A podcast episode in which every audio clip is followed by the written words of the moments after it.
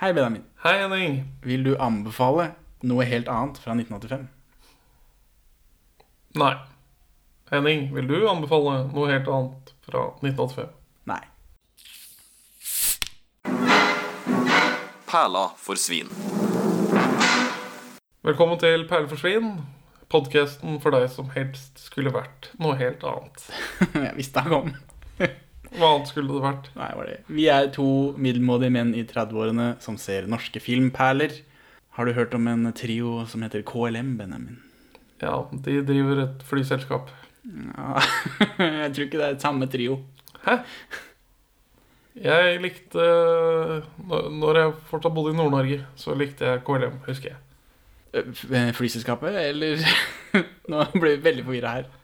Artisten Ja. Eh, KLM består av Lars Mjøen, Trond Kirkevåg og Henki Lystad.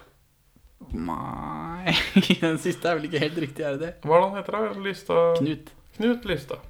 To, to av tre er døde nå. Nei. Én av tre er døde nå. Trond Kirkevåg har rusla, dessverre. Ja, han fikk juling av faren sin og døde. Han døde vel ikke av den julinga, han døde av kreft, men I år feirer Norsk Baker og Konditorlaug 250-årsjubileum, der høydepunktet i festlighetene fant sted på Langsletta i Oslo. KLM kjenner vi som har Ja, kjenner alle som har vokst opp, egentlig, de siste 40 åra, som Brødrene Dal. Ja. De har gjort andre ting òg. De har gjort veldig mye andre ting sammen. Men det er, det er noe med barne-TV, liksom. Det blir sittende uansett hva du gjør for noe. Og jeg så Jeg så litt uh, Brødrene Dal for noen år tilbake, og jeg syns det holdt seg ganske greit. Ja, jeg har sett et par av dem i voksen alder. Og det er helt greit, men det er jo barne-TV igjen, da, på en Ja. måte. Mye ordspill og fortfilmhumor. Og de to første er vel bare Altså Brødrene Dal og Professor Drøvel og Brødrene Dal og Spektralsteinene er jo bare en haug med sketsjer som de har eh, bundet meget løst sammen. Mens de to siste, Brødrene Dal og Legenden om Atlantis og Brødrene Dal og Karl 12.s gamasjer, har jo en gjennomgående story, da. En throughline. Ja. Liksom. Så det merka jeg at der er det stor forskjell. For det er jo Brødrene Dal og legenden om Atlantis som er min Brødrene Dal. Den Ja. kom jo på 90-tallet, Samtykk.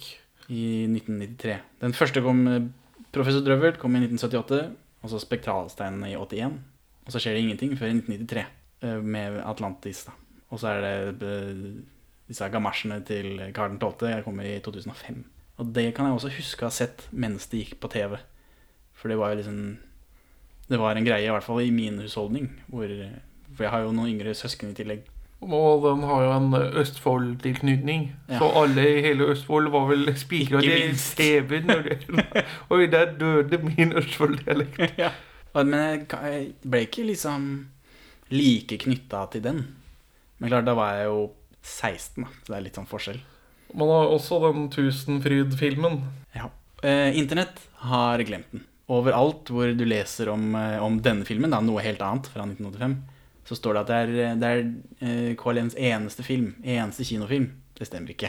Ja, men du, man fikk vel ikke Trond Kirkevågs samtykke? Det har jo ikke noe å si. Den uh, Vikingsverd-filmen deres eh, den uh, gikk jo på kino. Ja, men ja, no, jeg, jeg tenkte heller ikke over det når det stod at dette var den eneste filmen de tre hadde laget. Nei, men jeg tenkte på det, for det Brødrene Dal og Vikingsverdets forbannelse Hva tenkte de på da? Skal vi ta den nå, eller skal vi spare det til den eventuelle episoden? For det Vi kan vel snakke litt løst om det uten å gå sånn veldig i dybden. Ja, for det er en helt grusom film som er Det er noen med en som har sittet i publikum på Vikingland i Tusenfryd den gang det eksisterte. og Har du sett filmen? det. Ja, jeg har den her, selvfølgelig. Ja, Så. Som alt, alle andre dårlige filmer i hele Norge, så har jeg det liggende i hylla her. For du har ikke sett den. Jeg har ikke sett den. Jeg har bare sett utdrag fra den. Bra for deg. Her, og det er det. Men, Altså, er det, men her bruker de en cam... For så, det jeg hadde forstått hadde skjedd, var at eh, Trond Kirkevåg han hadde ting å drive med, mens eh, Lystad og Mjøen de kunne tappe seg på å delta i et Tusenfryd-show. ja, Trond Kirkevågs eh, hovedgeskjeft på den tida var vel kreft. Så, så, for han ser veldig syk ut. På 90-tallet allerede, når han Ja, men Det er sånt noe som kommer tilbake. vet du. Ja, det er sant. Tipper jeg, uten at jeg egentlig vet det. Men jeg har jo sett filmen, og han ser ikke frisk ut. Once I think I'm out, you pull me back in. Ja. Faen! Jeg røyk den drittfilmen igjen. Nei, for det er å en sånn rammehistorie hvor de finner noen sånn filmruller nedgravd. er sånn rammehistorien som er spilt inn i 2010 med fortelleren og de greiene der sånn. Og så setter de på disse filmrullene som er et sånt eh, Jeg tror ikke det er hjemmeopptak på egentlig, men det ser jo litt sånn ut. Av en skuespillerforestilling på Vikingland på Tusenfryd i 97, tror jeg. Ja, Steinar Sagen fra Radioresepsjonen jobbet på det. Ja, en eh, pre-famous Steinar Sagen er med som statist der, ja. Eh, Det uh, merka jeg meg også. at Hæ, er, det han? Og det var det. Han har en anekdote han forteller i Radioresepsjonen hvor ja, Hva heter hun som spiller i den? Å, shit, det er Benedicte Adrian. Benedikt, ja, han uh, sier at uh, det beste med den jobben var å se Benedikte Adrian skifte. For det fikk han gjøre som statist. Ja. Det, det får han stå for selv. For inntrykket mitt av showet er at uh, showet går som Altså, en del av showet er at Trond Kirkevåg dukker opp via en skjerm. Ja, for Vikingland var en svær greie på 90-tallet. Det var en kjempeutvidelse av Tusenfryd. Og for de tusenvis der ute som ikke husker det, for hva var det egentlig? Det var masse sånne vikinghytter. Og så hadde de skuespillere som gikk rundt der og lata som de var vikinger, og viste åssen de slo på ting for å lage sverd og sånt noe. Ikke, eh, det en, det er én attraksjon, den er der ennå. Det er et sånt vikingskip inn i fjellet der sånn. Det er det eneste som liksom ligna på et normalt eh, fornøyelsespark-attraksjon. Mens alt det andre var sånn Lev deg inn i vikingtiden. Og i forbindelse med det så hadde de også en scene, da. Og da på Benedicte Adrian og noen andre folk som ikke jeg husker i farta, eh, de er, later jo da som de er De spiller jo da at de er eh, i vikingtiden. Og så kommer Brødrene Dal uh, dettende inn der. To av Brødrene Dal kommer dettende inn der fordi de har tulla med en, sånn, eh, med en tidsmaskin igjen. Uh, mens Trond Kirkevåg dessverre kom ikke, han ble ikke med på dette. Uh, han datt ut av tidsmaskinen. Så han sitter der hjemme og snakke med dem via en tidsmaskin, eh, kamera eller noe sånt. Ah, Så sånn har de fått til å klippe inn han. da Så de spiller av han eh, på tape, mens de på scenen da reagerer til han. men hvordan kan vi tjene penger på dette KLM-konseptet når ikke hele KLM når, når det bare er LM igjen? Jo, vi har disse opptakene. Hva om vi bygger en film rundt det? Vi har disse Betamax-opptakene av Trond Kirkevåg. Ja, men det er hele forestillingen er fra 1997. Ja. Det er ikke som om Benedicte Adrian har møtt opp der, og, og, og Steinar Sagen har uh, tatt på seg vikinghjelmen igjen og, liksom, og gjenspilt det. Det er, er spilt Det er tatt opp i 1997. Hæ? Så de spilte ikke inn noe nytt? De De spilte inn eh, de, Det er bookends hvor de finner disse gamle filmrullene. ah! Jeg føler jeg spoiler en knallepisode av Perle forsvinner her nå på deg. Men Dette er jo verre enn uh, framing-devicen i Svik. eh, ja. ja, nei, det så, Sånn er det, da. Det er en teaterforestilling tatt opp uh, for privatbruk, eller hvorfor de har tatt opp, vet jeg ikke. Og så har de bare gitt ut Det på kino? på kino, ja. Og, de har, og det er jo ja, som sagt, det er en teaterforestilling, så folk har mikk. Synlig mikk. Og, og alle og, Jo, og de har lagt inn noe helt grusomme digitale eh, spesialeffekter som stikker seg veldig ut. Jeg tror de har en sang om Simon. Og da er det disse statistene kommer ut kledd som Simon, og så har de lagt på noen digitale Simon i tillegg. Og det Ja, dette høres ut som noe sånn postironi, satire Det er helt grusomt, i hvert fall. Altså Det høres ut som det skal være så dårlig at det er morsomt igjen. At man skal le av at man blir lurt til å kjøpe kinobrett. Ja, men den er iallfall gitt ut på kino, da. Men med den i 2010 så kan vi iallfall skryte på oss eh, Brødrene Dal eh, At de har, eh, har eksistert i, i fem tiår. De er produsert i 79, i 81, 93, 2005 og 2010. Så det er et lys i tunnelen, men den eh, 2010-filmen er ikke noe grunn til å se. Godt å vite. Kjør noe annet. Hva da? Kjør noe helt annet. Denne filmen, da, noe helt annet, er regissert av Morten Kolstad, sønn av Henki. Ja, sønn av Henki. Jeg har notert meg navnet i rulletekstoppskriften. Han er vel mest berømt for å ha regissert eh, den Fjellvettregel-filmen med Severin Suveren. Han har også regissert to Helmer og Sigurdsson-episoder, som er relevant for vår podkast. Men ikke noe Fox Grønland. Ikke noe Fox Grønland. Og han har regissert De blå ulvene, oppfølgeren til Døden på Sless. Har han samarbeidet med Lasse Glo? Ikke som jeg vet om. Han har samarbeidet med Henki Kolstad i eh, NRK-serien Taxi, som er en sånn krimserie. den har jeg lest om. Jeg skal ikke kjøre dem til legevakta eller noe sånt. Kjør meg dit jeg sa! Hva vil du si er KLMs inspirasjonskilde, Benjamin? Er det noen andre komikere som kanskje kan ha hatt litt innvirkning på KLMs eh, humorstil? Jeg har vel kanskje tenkt på det før, men det har vel aldri blitt så tydelig som med den filmen her. At det er Monty Python de prøver å etterape. Eller beint over kopiere. For denne heter jo det samme som en Monty Python-film. Eller Ja. Monty Python-film i gåsetegn. Hva heter den filmen på engelsk, da? And now for something completely different. Og denne filmen heter noe helt annet. Um, uh, And, uh, uh, and now for something completely different var vel en samling Monty Python-sketsjer som ble sendt over dammen til statene for å få de til å slå gjennom der. Hvis ikke jeg husker helt feil, så har de spilt inn de gamle, noen sketsjer på nytt. Ja, Eh, bare mindre morsomt, fordi de må gjøre det igjen. Ja, og, og- så, og så brukt det da for å lansere Monty Python eh, over dammen. sånn at de kan fremføre på Hollywood Bowl og tjene masse penger. Men det var vel etter det igjen, når de har lagd noe som folk eh, vil se, da. For den uh, And Now for Something Completely Different er vel ikke så høyt aktet som Holy Grail eller Life of Brian. Nei, det er mer som en sånn promofilm for en humorgruppe.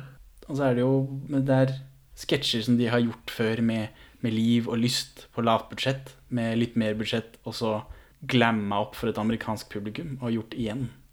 Så det er ikke helt det samme. Nei, Jeg har ikke helt den samme, Samme magien. energien. Det er ikke den samme energien. Lightning in a bottle eller noe. ja. Eh, Men den kom i 1971, da. Mens eh, noe helt annet kom i 1985. Mens eh, Monty Pythons siste film er, er det 84, med 83, 'Meaning of Life'. deres beste i min mening. Jeg vet det er litt kontroversielt. Ja, personlig så er jeg en Hollywood Bowl-fan.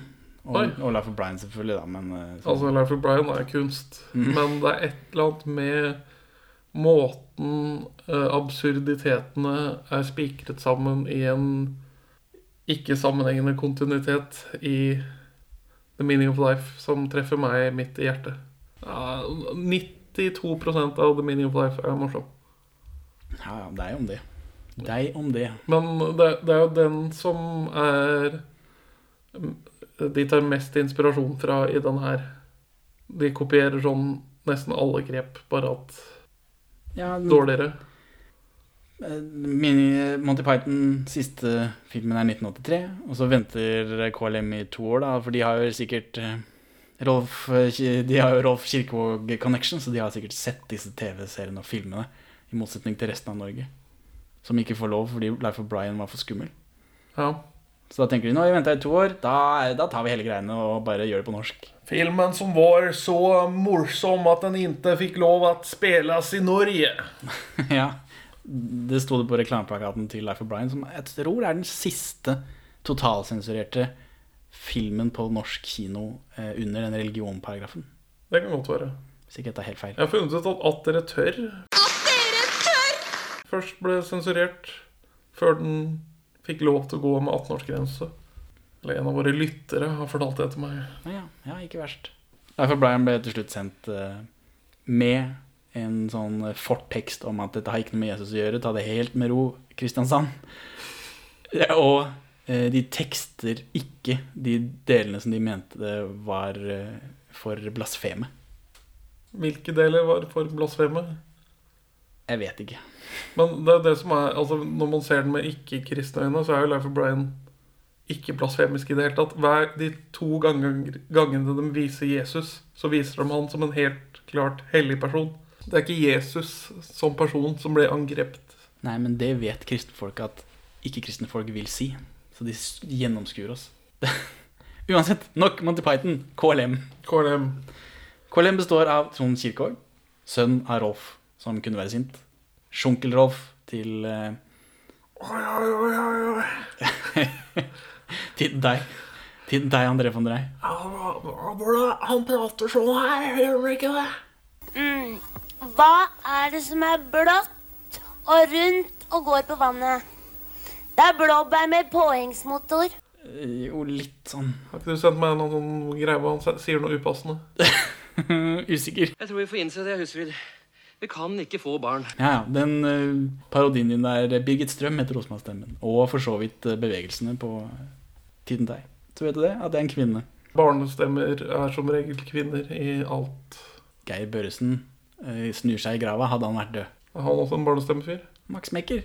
Men han har ikke en barnestemme. Altså stemmer til barn. Sånn, ja. Jeg trodde du tenkte barne-TV-stemmer. Det var ikke det, mente jeg. Jeg Whatever. mente faktiske barn. Det er det alltid kvinner som trakterer. Sett deg ned, Birgit, og så og fra det ene til det andre. Dette tele, eh, altså, Titten Tei er jo en, eh, en, en eh, det, har, det har jo en forløper. Det er eh, i radio, har det ikke det? Vimsen, ja. Ja. Jon Arthur Ja. Ja. Er eh, Rolf en eh, eh, sånn koseonkel i virkeligheten å jobbe sammen med, eller er han eh, tøffere, eller hva? Vær ærlig nå. Du, han er veldig profesjonell. Og så er eh, han veldig menneskelig. Eh, og det er en fin kombinasjon, vet du. Ja. Og så, eh, vel- for meg har det vært veldig fint å, å jobbe sammen med deg. Det er, jo, det er jo, Jeg må jo bryte inn her. Av og til så syns jeg det går over alle støvelskafter. For dette er jo, men, men, men det er jo, men du- her er det tale om parhester, ikke sant? Ja, ja. Jo, Og det er jo men- det det dreier seg om. Det blir en symbiose, som uh, Alf Nores ofte sier. Uten at noen skjønner hva han mener med det. Trond Kirkevåg, sønn av Rolf, som kunne vært sint. Jeg vet ikke helt eh, hva mer det er å si om han. Han, han er kjent som Brumunddal. Skremmeren. Jeg ble skremt, ja. En masse parodier på NRK. Og han var jo NRK-mann på sin hals. Han kom, i, han kom inn i systemet veldig tidlig, fordi faren hans jobber jo der. Og han ble jo der til han rusla. Ja, da velkommen til norsk medienepotisme. Lars Mjøen er, han er eh, sønn av to skuespillere. Jon Lennart Mjøen og Else Heiberg. Men han er også barnebarn av Jon Alfred Mjøen, som pionerte rasehygien i Norge. Ja, det hadde jeg også lyst til å ta opp. Ja. Ja, Mjøen eh, Jon Alfred Mjøen startet tidsskriftet Den nordiske rase. Og var i 1936 med på å foreslå at tyskeren Alfred Plotz, faren til begrepet rasehygiene, skulle tildeles Nobels fredspris for sitt bidrag til befolkningsbiologien. Vi kan med andre ord fastslå at Lars Mjøen har gode gener. Heyo! Eh, Lars Mjøen og vet, Eller vet du hvem som har eh, musikken på den filmen her? Eh, ja. Hva heter han, da? Han heter eh, Nissa. Nissa Nyberget. Hva har Nissa Nyberget og Lars Mjøen samarbeidet om å lage? Eh, flere sånn KLM-greier. Ja, ikke bare KLM-greier. Mm. Nei, da, jeg vet ikke hva du sikter til. I 1982 stiller Inger Lise Rypdal med Lady Di i Melodi Grand Prix. Og da er det Nissa Nyberget som har skrevet musikken, og Lars Mjøen som har skrevet teksten.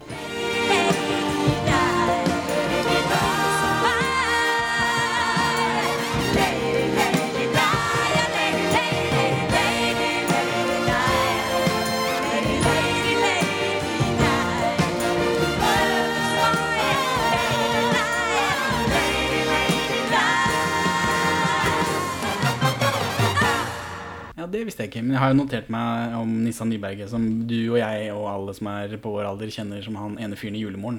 Nå er det julemorgen, nå er det jul, og jul er det beste vi har. Nå er det jul, og jul er det beste vi har.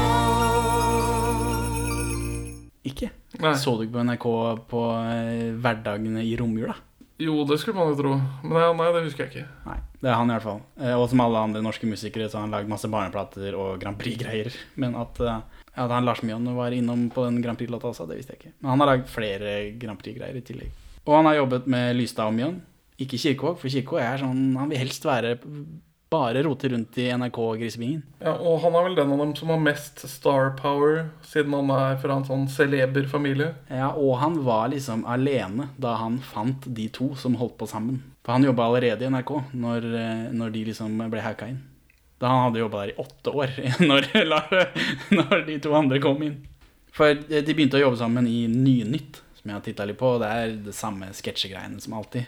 Eh, Ja. i 1976. God kveld, Nynytt er tilbake igjen, og vi ønsker alle seerne hjertelig velkommen til en ny sending med nye, gamle nyheter i ny eller gammel ramme. Programmet med absolutt nest siste nytt. Eh, og da, i 1976, hadde Trond Kirkvaag allerede jobbet åtte år i NRK. Med hva da? Eh, med alt mulig rart. Men han dukker vel først opp på skjermen i sånn smil til skjulte kamera-sketsjer tidlig, tidlig på. Plutselig så skjer det, pappa er på TV. For en kjempedebut. Det skjulte kamera. Før de aner ordet, har de gjort furore. Og vært oppsikt på ny. Svi til det skjulte kamera. under deres nabo i kveld. Hvem, andre får startet sin karriere der? Eh, Tore Ryen. Ja. Skaperne av Mot i brøst.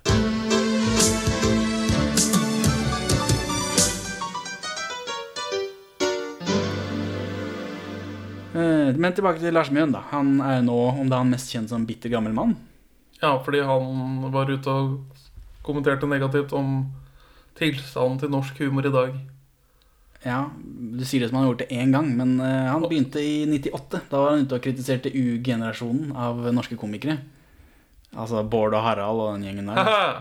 Spesifikt Bård og Harald. Ja, Eh, De har han- vel også disse han på Åpen post, eller? Mm, Det er mulig de har tatt det inn der, sånn, men de artiklene jeg skumma over, så var det bare Ja, han har helt rett. eh, whatever, liksom. Vi lager humor, vi. Så kan han sitte der og være sur.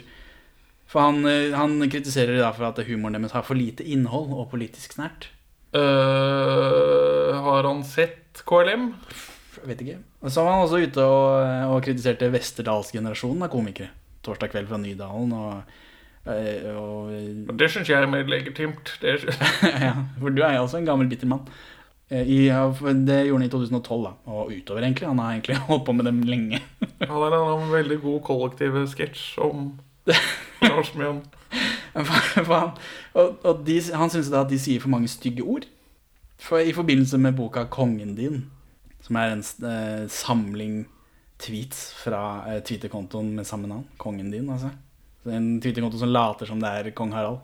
Ja, en litt utviklingshemmet kong Harald. Ja, eller det er en raring, da, men den er ikke sånn super ondsinna. Men det er Twitter-konto som han Odd Magnus Wilhelmsson holdt på med. Og som jeg vil påstå har litt politisk snert. Men da var eh, Mjøen ute og klaga på at det var lytehumor. Så Og det var forresten sammen med datteren til Lars Mjøen en stund, og det var sikkert kjempekoselig. Hæ, og det var sammen Med datteren til eh, Åh, Lars Mjøen eh, det- en stund i 2010, da. Så det var jo et par år før han var ute og klaga. Det var sikkert kjempehyggelig å være med på, på middag, familiemiddag der. Han sure gamlisen, liksom. Og så er det Knut Lista Mesteparten av Wikipedia-artikkelen hans er et ode til hans karakter i Carl Co. Eh, Karakteren Ulf. Ja. Den dumme naboen.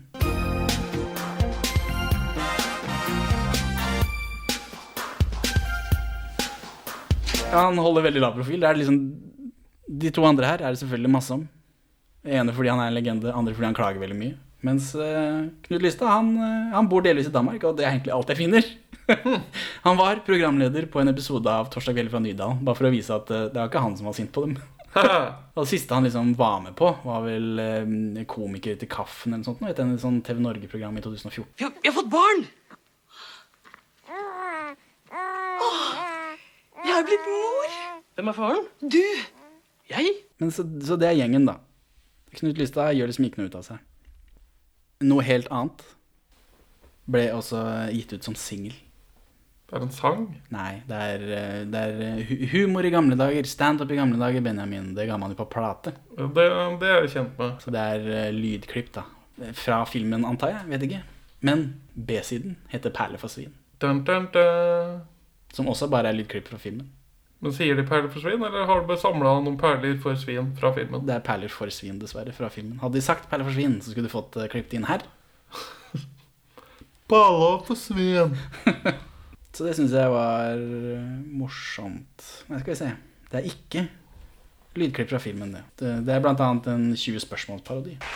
Ja, vi ønsker velkommen nok en gang til 20 spørsmål, og oppgaven i dag er konkret, dyrerike, og vi sier vær så god. Eh, finnes det i havet? Ja, det gjør det. Fins det forskjellige typer av det? Det gjør det også. Eh, er det levende? Ja, det var tre. Har det svensker? Hva? Har det svensker? Nei, det var fem. Har det finner? Nei. Jo, jo, jo, jo, jo det har finner. Det har finner. Eh, akkurat det har finner. Eh, kan det svømme? Ja, det kan svømme. Eh, Fins det i elver også? Det fins i elver også, ja. Kan det tas på sluk? Det kan tas med sluk, ja, ni. Eh, kan det spises til middag? Ja, og hva er det da? Eh, Kan det legges i boks med f.eks. tomatsaus eller olje? Ja, det kan det også. Kan man lage boller av det og ha det i hvit saus? Hvit saus, det kan også. Er katter glad i det? Ja.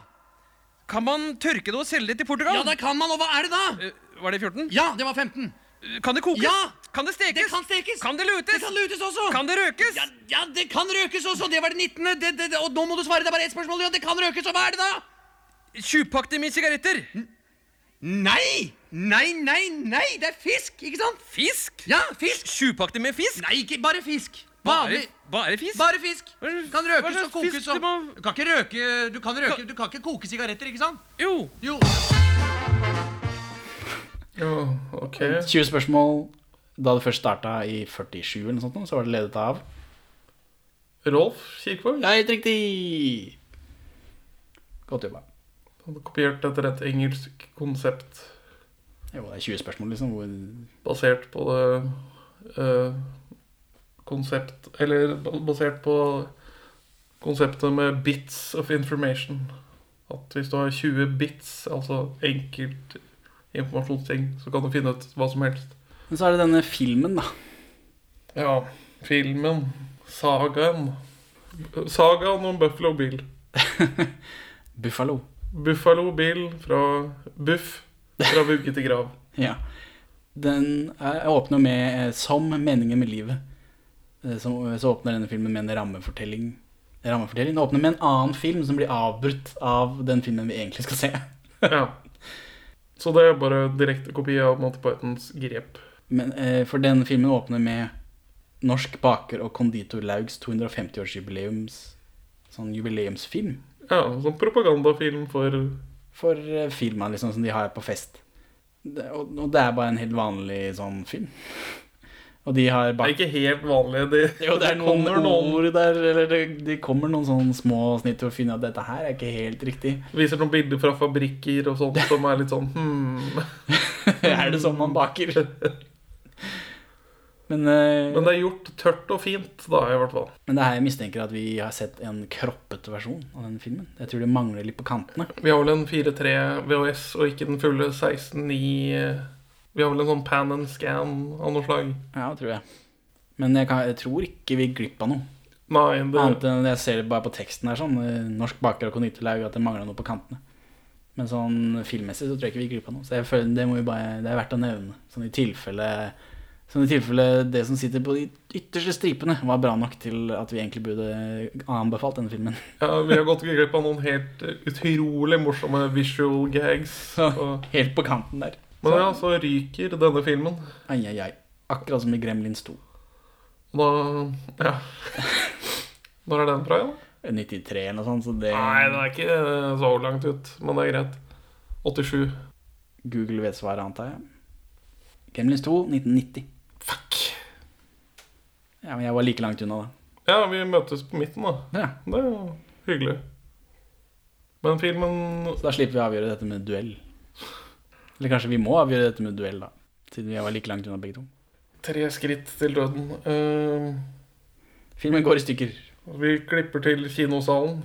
Der er det noen som Ja, da faen, ass, den filmen her ryker. Sett på noe annet. Hva da? Noe annet. Noe helt annet. Og det, da setter de på filmen noe helt annet, så jeg, jeg ser hva dere gjorde der, KLM. Men eh, altså åpner den nye filmen da, med ganske god thrillerstemning. Ja, overraskende gjennomført. Det er Natt for natt. For en gangs skyld i norsk film. Det er dramatisk musikk. Det er eh, rask klipperytme. Skygger. Han slenger seg inn i en taxi. En Volvo.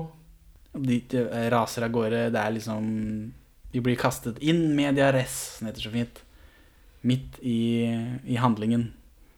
Og, og det er eh, Ja, det kunne vært en thriller, liksom. Jeg har sett norske thrillere som åpner dårligere. Og så- Men så klipper vi bare derfra. Eller, for det viser seg jo da at denne passasjeren i baksetet eh, er vampyr. Du glemte å nevne hvordan den baker konditor Dauguk-filmen slutter, da, siden det kommer til å spille inn senere i filmen, selvsagt, siden det er en kopi av Mattepeten. ja. Så eh, dette bakelaget skal feire 250 år ved å bake verdens største bløtkake. Men den får ikke plass inni noen lastebil. Så de må fly den med helikopter. Så de setter, fester den i vinsj. Så flyr de av gårde med helikopter, og da ryker filmen. Ja, eh, filmen ryker idet bløtkaketauet begynner å ryke. Det skal vi komme tilbake til senere. Men ja, han er vampyr, han som er i taxien. Ja, det, Denne taxisjåføren er Marianne Krognes. Som kjenner fra Pelle Parafins Birdie-band. Her kommer Pelle Parafins bøljeband som spiller ny bøljemusikk. Eller fra Tram-teatret, da, som liksom er At- gjengen. At bak. dere tør. Nei, hun er ikke med der. Nei, men uh, Tramteatret har en sang som heter At dere tør. Å ja. Kjør klipp. Velferdsstat og politi. At dere tør. Oljeland og krisetid. At dere tør. Men så klipper vi derfra, da. eh, Rett etter denne revealen at eh, han passasjeren i baksetet er vampyr, og han biter taxisjåføren sin. Ja, men da, da krasjer du en lekebil i vannet. Ja, Det fikk ikke jeg med meg, for da drev jeg og skrev notater, tydeligvis. Å, å, nei, hun, han biter henne, og fester seg på, og hun driver og kjører masse ut på kaia i Oslo. Og så kjører det en taxi-lekebil i vannet. Og så trekker vi kameraet ut fra vannet, og da er det en krans. For da er det begravelse til en karakter vi ikke kjenner. Han var et menneske som vil bli husket av alle som ikke kan glemme ham. Ja, Musikken har også gått gradvis fra synt til orgel. Det syns jeg var ganske snedig. Ja, Det tenkte jeg ikke noe over. Men det er jo Nissa, da. Ja, ja. Bare å reise til Thailand, så kan du se han fremføre ukentlig. Ja, Det stemmer. Han, han eh, holder nå eh, delvis til i Thailand og spiller på en bar der. Ja, han, men han fremfører òg sammen med Han spiller i en bar og i Sjømannskirken. Så du kan få Nissa med og uten alkohol. Hvem er det som skriver disse Wikipedia-artiklene? Det er det eneste jeg lurer på når jeg ser sånn nå. Bare, er dette den nødvendige informasjonen? Det er gøy for meg som lager rar podcast, men hvis, hadde, står dette på, på Store norske leksikon hvis du går inn der på Nissa Nyberget? Det vil jeg ikke tro. Nei. Men denne begravelsen, hvem er det sin begravelse? Det kom ikke helt klart frem. Ja, det er hovedpersonens begravelse. Det, det er det jo, men det kom ikke helt klart frem sånn til å begynne med. Jeg vet ikke, jeg har skrevet det her i toppen av mine notater, så jeg så, forsto det da når vi så på det. Ja, Så, og Lars Mjøen er i salen og har masse rart hår. Ja, er det en ting Og må, Lystad er der og har masse rart hår. Er det én ting du må påberegne i en KLM-produksjon, så er det at eh, de har mye rare parykker, eh, og de spiller flere roller. Med unntak av Trond Kirkevåg i den filmen her, faktisk. Han spiller bare den ene rollen. Når du setter meg sånn på punktet, så vil jeg ikke love det. Men når han er hovedkarakteren, så er det ingen andre som er, dukker opp som er han i tillegg. Nei, han spiller seg selv som ekkel liten gutt, da. ja, nettopp. Som så mange av oss hadde han et ønske om å være noe helt annet. Og det kan man også si at han ble. Han, han hadde, også sier presten at han hadde ønske om å være noe helt annet. Og så klipper vi til når han ble født. Eller vi klipper til hans adoptivforeldre som har sex så hardt at taket går i stykker. Ja, det vil si de detter gjennom gulvet. Ja, er det det de gjør? Det er det de gjør. Ja, jeg sy- syns ikke det var helt tydelig. Og så ser vi pupp. Nesten. Nei, hvis, jeg så brystvorte. Du gjorde det? Ja, du, nei, du ser ikke det når vi er innpå, men på helbildet som kommer inn gjennom vinduet først, eller hva det nå prøver. Ja, ja, da ser man en pupp. Hvem er det sin pupp? Hva er det hun heter igjen, da? Er det Elsa Ryssa? Nei. Det er Minken Fossheim. Minken Fossheim sin pupp. Ja, hun har rusla nå, vet du. Har hun det? Ja, altfor tidlig. Eh, Men fordi pøker eh, hun og Knut Lista i, i parykk. For han spiller av en karakter. Eh, De, de pøker så mye fordi de vil ha barn. Og de har prøvd alle metoder. Det er, hvor mange metoder er det? Kan man spørre seg? Hei, og- hei. Hør her, Istan. Jeg er sikker på at vi skal klare å lure alle. Ja, det er jo ikke lenge siden vi flyttet inn. Det er ingen som kjenner oss. Ingen kommer til å stille noen spørsmål. Vi sier, vi, vi sier rett og slett at, at barn ble født hjemme. Men før vi raser gjennom hele narrativet her, Kanskje vi skulle si noe om den generelle strukturen her. Jeg refererte jo til at dette var sagaen om Buffalo Bull tidligere. For rammen til den filmen her er jo altså først eh, ikke-relevant film som blir relevant. Så in medias res. Og så er det hele livsløpet til Buffalo Bull. Det henger mer på greip enn jeg hadde forventet. For det er liksom Det er mer storyline her enn jeg hadde forventet. eh. Men altså, det er en kopi Det, det- fungerer ikke like bra som i The Meaning of Life. For her er det da fødsel, dåp, skole, konfirmasjon, eh, nyttårsaften, militære Ja, det, det er sånn uh, coming of age-øyeblikk den nyttårsaften, tror jeg. Ja.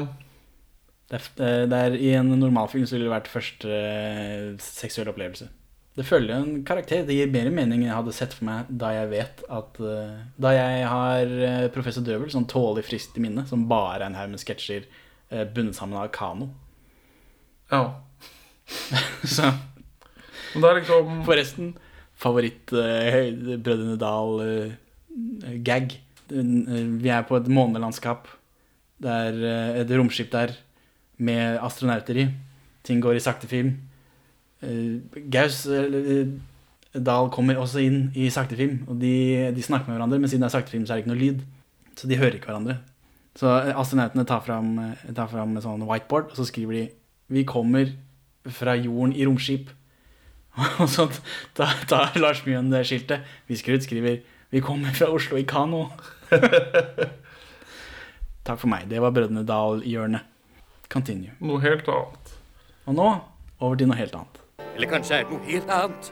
Følg med i neste episode av Professor Drøvels hemmelighet. Så uh, altså, dette er Hva, hva heter den filmen? øh, Once Upon a Time in America? ja, den, den gangsterfilmen til Sergio Leone. Ja. Dette er en slags sånn livskrønike. Som er den røde tråden til en sånn absurdist-sketsjefilm. Hvor- hvor- Hvorfor vampyr? Er, er, var det i tiden da?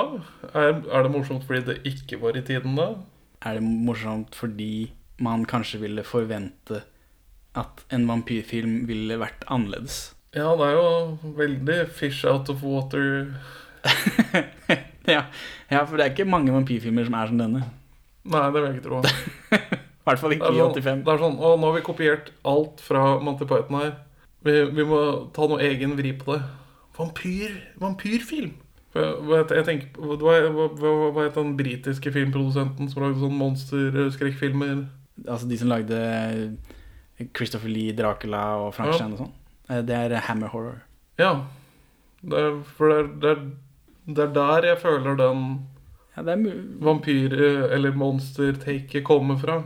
Ja, det er veldig mye sånn dagligdags rundt skildringen av Buffs liv. Og så er det noen sånne shots som er veldig sånn gammeldags horror innimellom. Ja, den, den, den har, har liksom noe rot i noen filmreferanser.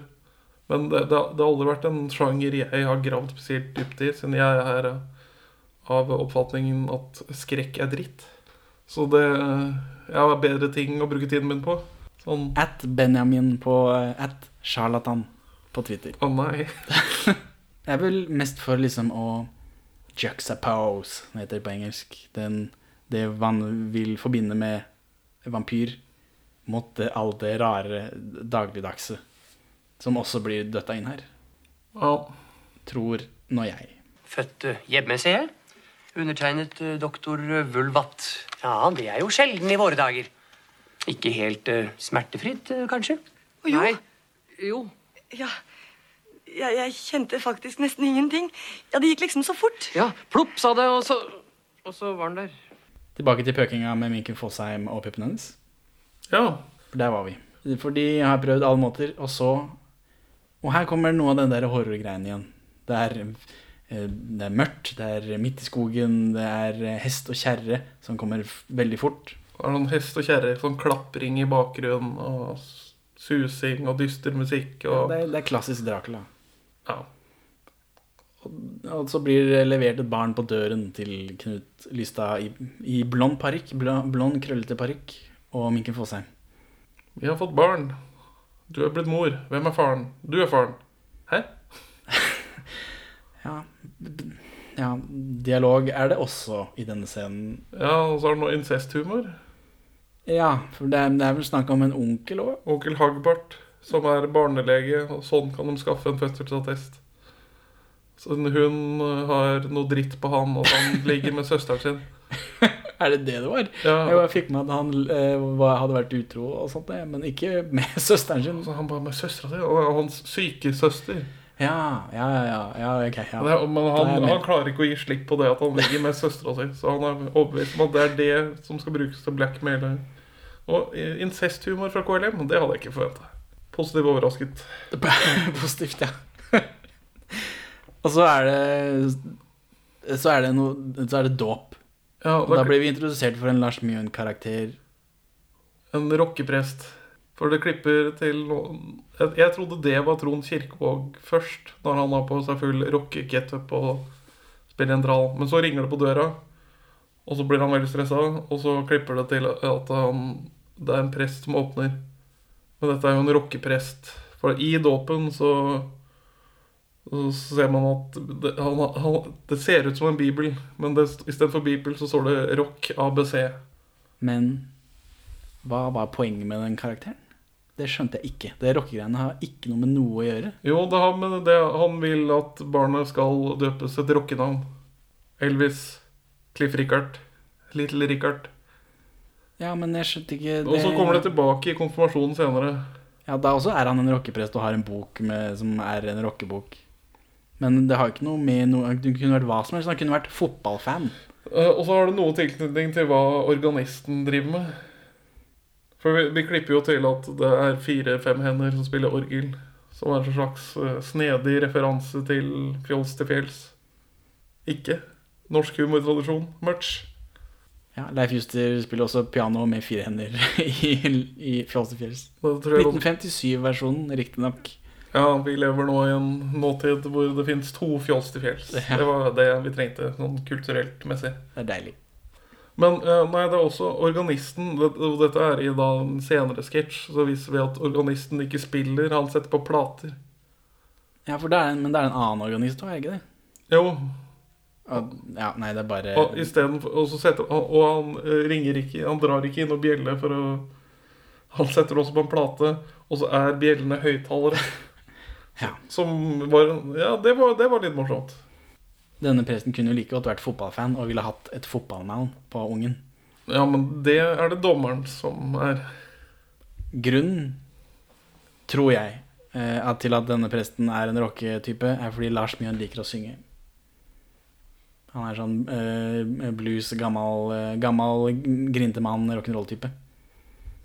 Det er min eh, Det gjetter jeg. Det høres ut som en god analyse. I Faderens, Sønnens og Den hellige ånds navn døper jeg deg Elvis. Han skal da ikke hete Elvis? Nei. Den rare navnhumoren til KLM, det syns ikke jeg er så gøy. Nei, det, det er veldig gamlis-humor. For Buffalo Bull er jo navnet vi ender opp på på Trond Kirkevågs karakter. På filmens hovedkarakter. Fordi det er en avstemning i dåpen. Ja. Ikke at noen ropte Buffalo Eller jo, én i publikum ropte Buffalo. Ja, det, det, det blir fullt sånn Han skal ha et rockenavn, og disse foreldrene som blir veldig forvirra, så begynner folk å rope. Og hvem er det som eh, i rollen som kirketjener? Det er Bjørn Sundquist. Ja, det er en annen ting med denne filmen, at det er det er et, eh, et såkalt stjernelag. Som Ja. spiller, for, tilbake til professor Drøvel. Så, så tror jeg flesteparten av skuespillerne bare er medlemmer av, av KLMs swingersklubb. Det er bare sånn tilfeldig eh, folk som ser veldig ut som de er nappa rett ut av 70-tallet. For det er de jo. Og, og KLM i hovedrollen. Mens her er det jo det er masse, masse folk. Bjørn Sundquist i den bitte lille, veldig pussige rollen. Eh, Jeg trodde Og rufsete kirketjener med ekstremt hes stemme. Som røyker Hele tiden. Det var vel derfor han har så hes stemme, da. Kan hende. Ja, jeg, Men han var vel Bjørn Sundquist på den tiden? Ja, men han får fortsatt store gjennombrudd med Over grensen, slik jeg har forstått. Ja, og det er i 87. Ja. ja kanskje ikke han var Bjørn Sundquist, da. Hele Norges Bjørn Sundquist. Ja, men han er nå der, eh, og det er alltid hyggelig. Jeg, jeg forventet at, at Jeg tenkte at hans rolle skulle blitt noe mer, siden det var Bjørn Sundquist, men Ja. Og vi åpner jo med Buffalos eh, begravelse i en annen kirke. Da tenkte jeg kanskje Jeg savna Bjørn Sundquist når vi, kom, når vi slutter sirkelen igjen, når vi kommer så langt har gått gjennom hele livsløpet til Buffalo Bill, og er i en kirke igjen. Buffalo jeg, yes. Bull. Buffalo Bull. Å, beklager. Beklager. Buff. og er i en kirke igjen. Så tenkte jeg ja, endelig. Bjørn Sundquist kommer tilbake. Nei, ingenting. Skuff. Veldig skuffa. Åtte for Baldur. Ti for Hyldebrand. Eh, syv for Ledvin. Fire for Embrekke. Og én for Elvis.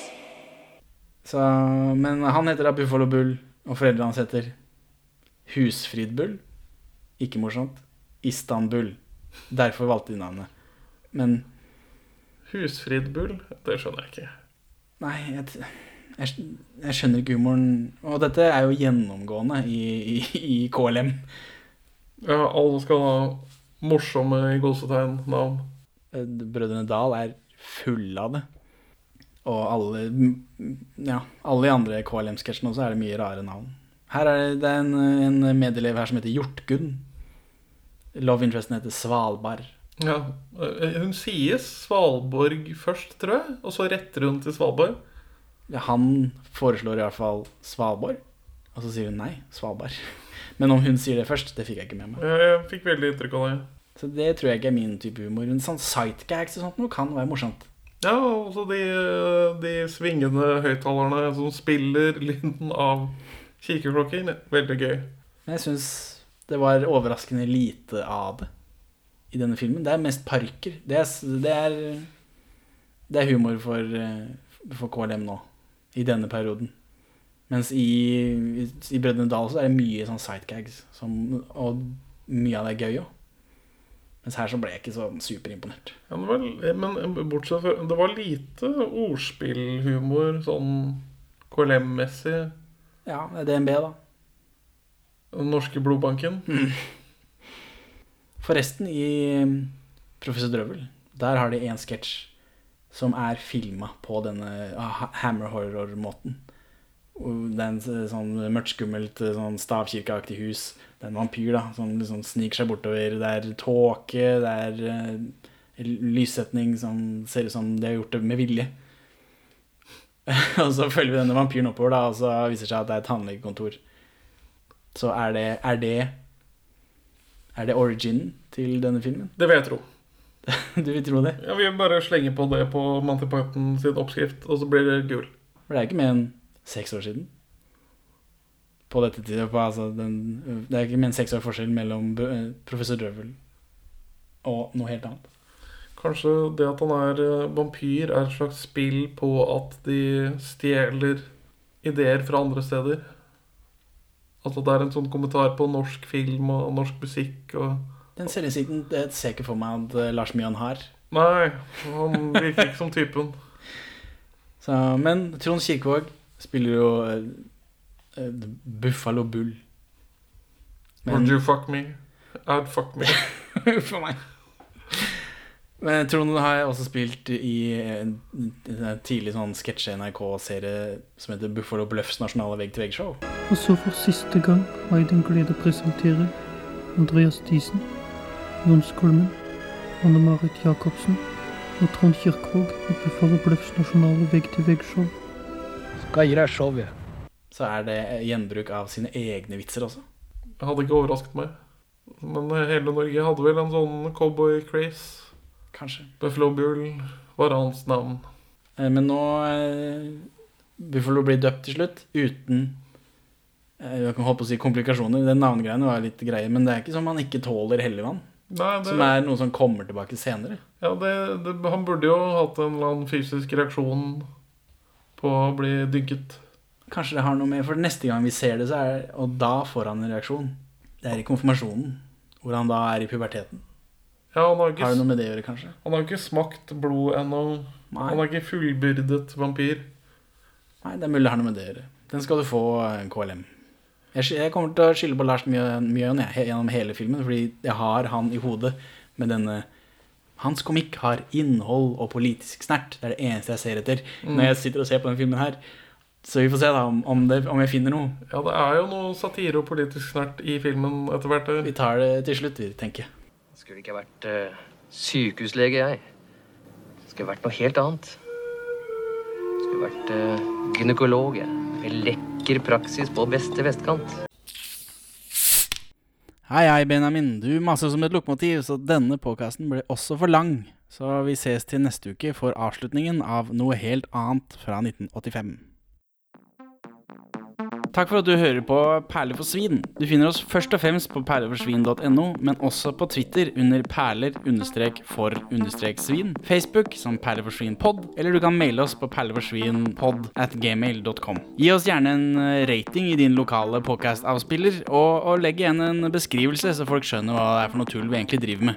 Her er ukas Pål Bang-Hansen-sitat ute av kontekst. Etter Lille søster kanin vises altså filmen om Siri Strikk og Paddeball. Jeg har ikke villet være den jeg er blitt, eller var, før jeg ble den jeg er. Jeg ville også gjerne vært noe helt annet. Ingen ønsker å være det de er.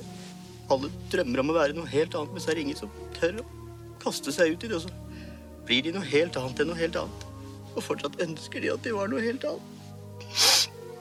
Jeg er den som virkelig har vært noe helt annet, men også det har vært mislykket.